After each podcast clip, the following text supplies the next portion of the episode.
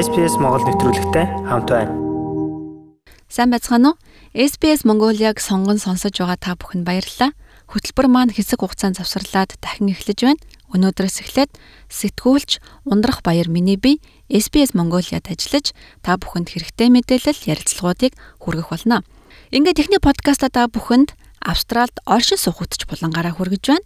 Энэ удаагийн сэдэв COVID-19 вирусын Дельта хувилбарын тухай вакцин хэрхэн биднийг хамгаалж байгаа мөн халдвар аваад идгэрсэн ч хүний бид ямар сөрөг нөлөө үлдээж байгаа тухай халдвар төвчний мэрэгжилтэнтэй хийсэн яриаг хүргэх болно. Яагаад коронавирусын дельта хувилбар илүү хурдан дарахж байгаа тухайд эхлээд ярилцъя. Өнөөдрийн байдлаар дельта хувилбар нь дэлхийн 78 оронд дарахж олон мянган хүмүүсийг халдварлуулад байна. Их Британи, Энэтхэг болон Орос улсад дархалтын дийлэн хувийг нь дельта эзлэж байгаа юм байна. B1 617 2 гэж томьёологдож байгаа энэ хувилбар анх 2 дугаар сард энэтхэгт бүртгэгдэж халдварын дархалтыг эрчимжүүлсэн. Австралид ч бас бусад орнуудын адил дельта хувилбар цоо шин сорилтыг авчраад байна. Австралийн зарим газруудад хөл хорио тогтоосон байгаа энэ үед бид Камбера төв эмнэлгийн халдвар төвчний мэрэгжилтэн Австралийн үндэсний их сургуулийн ангаа ухааны сургуулийн дэд профессор Санжая Сенанаякагаас уг хөлбөрийн талаар болон вакцины аюулгүй байдал үр дүнгийн талаар магадлан асуусан юм. Түүний хэлж байгаагаар энэ хувилбарын гол ялгаа нь илүү халдварлах чадвартай. Америк нэгдсэн улсын халдвар төвчнөг хянах урьдчилан сэргийлэх төвийн мэдээлж байгаагаар гурван үндсэн замаар энэ вирус халдварлаж байгаа юм байна. Хамгийн эхлээд Халдвартай хүнд 1-2 м ойрхон байхад агаар дахь халдварын хэмжээ хамгийн их байдаг учраас эрсдэлтэй гэж үздэг. Ялангуяа агаар жуулалт муу орчинд энэ эрсдэл илүү их байна. Дараа нь халдвар тээгч ханиах, найтайх үед үсэрсэн жижиг туслаар хамар, ам болон нүд рүү ороход халдвар дамжина. 3 дугаарт халдвар наалцсан гараараа ам хамар нүдэндээ хүрэхэд халдвар бах магадлалтай. Тэгвэл халдвартай хүнтэй хэр удаан уулзснаас үл хамааран та халдвар авах бүрэн боломжтой гэсэн үг юм. Коронавирусын анхны хувилбар гэж болох Хятадын Ухаан дахь тархсан хувилбараар өвчлсөн 2 хүн цааш нь 5 хүнд халдвар тарааж байхад Дельтагаар халдварлсан 2 хүн 10 хүнд халдвараа тарааж чадж байна. Өөрөөр хэлбэл 2 дахин илүү халдварлах чадвартай. Түүнчлэн маш богинохон хальт харилцаад өнгөрөхөд л дельтагаар халдварласан бусад хүмүүс ч бусдтай халдвараа дамжуулах тохиолдол гарсаар байгаа юм байна. Азар бид өөрсдөө хамгаалах маш энгийн олон арга байгааг профессор Санжая сануулж байна. Хамгийн эхлээд та COVID-19 байж болох шинж тэмдгүүд илэрвэл их багаас нь үл хамааран яаралтай шинжилгээ өгөөрэй. Ингээд хариугаа сөрөг гартал өөрийгөө гэртээ тусгаарлах хэрэгтэй. Гол анхаарах зүйл нь дельта хувилбарын хувьд шинж тэмдэг нь харьцангуй бага. Тиймээс ялимгүй мэд санагдах боловч хамраас нус гойжих, хоолой хүндөрлөх, толгой өвдөх зэрэг шинж тэмдгүүд дельтагийнх байж магадгүй юм шүү. Мэдээж халуурах, ханиах болон бусад COVID-19 шинж тэмдгүүд ч илэрч болно. Та хаашаач орж гарсан QR кодоо байнга уншуулаарай. Энэ нь хэрвээ та халдвар авч болох орчинд байсан бол таныг олох ажлыг амар болгохоос гадна хурдан халдвар тарахаас сэргийлэх юм а. Олноор цуглах газраас аль болох зайлсхийх, амьдарч байгаа газартаа мөрдөж байгаа маск зүг зөвлөмжийг дагах, бусдад харилцахдаа зохих зай барих, гараа савнтай усаар угаах, ялангуяа хоол идэх, ариун цэврийн өрөө хэрэглэхтэй. Савн усгүй байхгүй тохиолдолд гар ариутгах хэрэглээрэй. Мэдээж COVID-19 вакцин хийлгэх гэх мэт өөрийгөө болон хайртай гэр бүл найз нөхөд амьдарч байгаа улс орноо хамгаалах боломж бүрэн бий гэдгийг битгий мартаарай. Харин одоо бүгдээр COVID-19 эрүүл мэндэд үзүүлж байгаа зарим нөлөөний тухай мэрэгжлийн хүмүүсийн тайлбарыг сонсъё.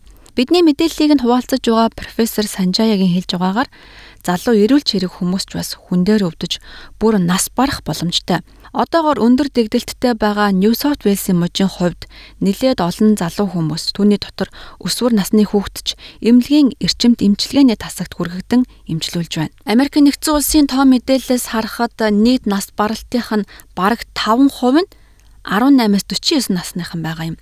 Энэ нь хэдийгээр тийм ч нийтлэг биш ч гэсэн залуу хүмүүс хүн дээр өвдөж бүр нас урах боломжтой гэдгийг харуулсан тоо үзүүлэлт юм шүү.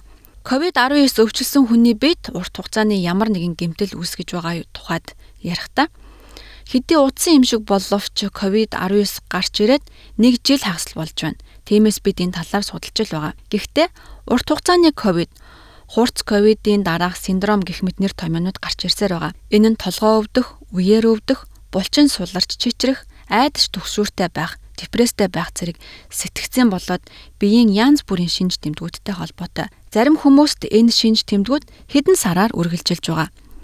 За бүр шинж тэмдэг илрээгүй өвчлөхсдийн 19% нь дунд зэргийн буюу бага шинж тэмдэгтэй өвчлөхсдийн 27% нь урт хугацааны ужиг шинж тэмдэгтэй үлдэж байгаа. Тэгвэл одоо бидний гол хамгаалалт зэвсэг гэж болох вакцины тухайд ярилцъя. Вакцинд ямар нэгэн гаж нөлөө байгаа болов уу?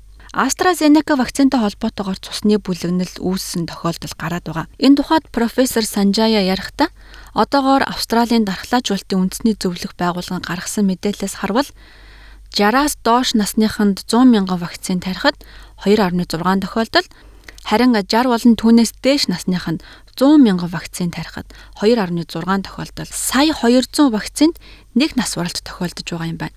Энэ нь Австралийн тооноос харвал 6.1 сая AstraZeneca вакциныг эхний тунг нь хийхэд 5 нас уралт гарсан гэсэн үг юм байна. Тэгвэл Pfizer-ийн 2 дахь тунг хийлгэсний дараа зүрхэнд өрөвсөл үүссэн тохиолдол гарлаа гэж зарим нэгэн мэдээлэл дурдсан. Энэ тухайд манай зочин ярихдаа ийм тамаг с ิจ г байгаа. Энэ нь нэлээд ховор буюу Америк нэгдсэн улсад багадаа нэг тун вакцин хийлгэсэн 177 сая гаруй хүнд мянган тохиолдолд бүртгэгдсэн юм байна. Энэ нь нэхвчлэн 16 болон түүнээс дээш насны өсвөр насны залуу эрэгтэйчүүдэд ажиглагдаж байгаа. Ийм тохиолдлууд ихвчлэн төр хугацааных за мөн хангалттай амарсны дараа эдгэрж байгаа гинэ. Цөөн тохиолдолд эмнэлэг твтэн эмчлүүлсэн байна. Гэхдээ Pfizer вакцинаас илүү COVID-19-өөс энэ гаж нөлөө үүсч байх магадлалтай юм байна. Тэгвэл AstraZeneca болон Pfizer вакцинуудыг COVID-19-тэй харьцуулж үзэхэд эрсдэл нь аль нь илүү вэ? Энэ тухайд мэрэгжлийн хүн тайлбарлахдаа Вакцины мэрэгжүүлтнүүднээс бүрдсэн баг Австралийн засгийн газар зөвлөж байгаа. Тэдний хэлж байгаагаар 60-аас дээш насны австралчуудын хувьд AstraZeneca вакцины үр нөлөө эрсдлээсээ хамаагүй их байна гэж байна. Энэ нь эмчтэйгээ зөвлөд аль болох вакцина хийлгэх хэрэгтэй гэсэн үг юм. Тэгвэл энэ хоёр вакцинд хэвийн буюу төр зуурын нөлөө гэж байгаа юу? Австралийн эм эмчилгээний хяналтын албанаас гаргасан тайлан мэдээнээс харахад За вакцин хийлгэснээр ажиглагдаж байгаа гаж нөлөө нь хөнгөн буюу байж болох хэмжээнд байгаа юм байна. Тухайлбал толгоо өвдөх, булчингаар хүндүрлэх, халуурах, чичрэх, тарилах хийсэн газар улайх гэх мэт энгийн хэвийн шинж тэмдэг илэрч болно. Жирэмсэн эмэгтэйчүүд энэ вакциныг хийлгэж болох талаар профессор Санжая ярихдаа Австралийн TJ-ийн зөвлөж байгаагаар одоогийн байдлаар Австральд Pfizer вакциныг жирэмсэн эмэгтэйчүүдэд зөвлөж байгаа юм байна. Жирэмсэн тохиолдолд COVID-19-ийн халдвар авбал хүндрэх, улмаар дутуу төрөх эрсдэлтэй. Харин одоо вакцины үр дүнгийн тухайд ярилцъя. AstraZeneca болон Pfizer вакцины 1 болон 2 дахь тунгаа хийлгэсний дараа Дельта хувилбараас биднийг хэр хамгаалж чадах вэ? За Английн мэдээнээс харахад шинж тэмдэг бүхий өвчлөөс AstraZeneca 74.5%, Pfizer 88% үр дүнтэй хамгаалж байгаа юм байна. Энэ бол сайн үзүүлэлт.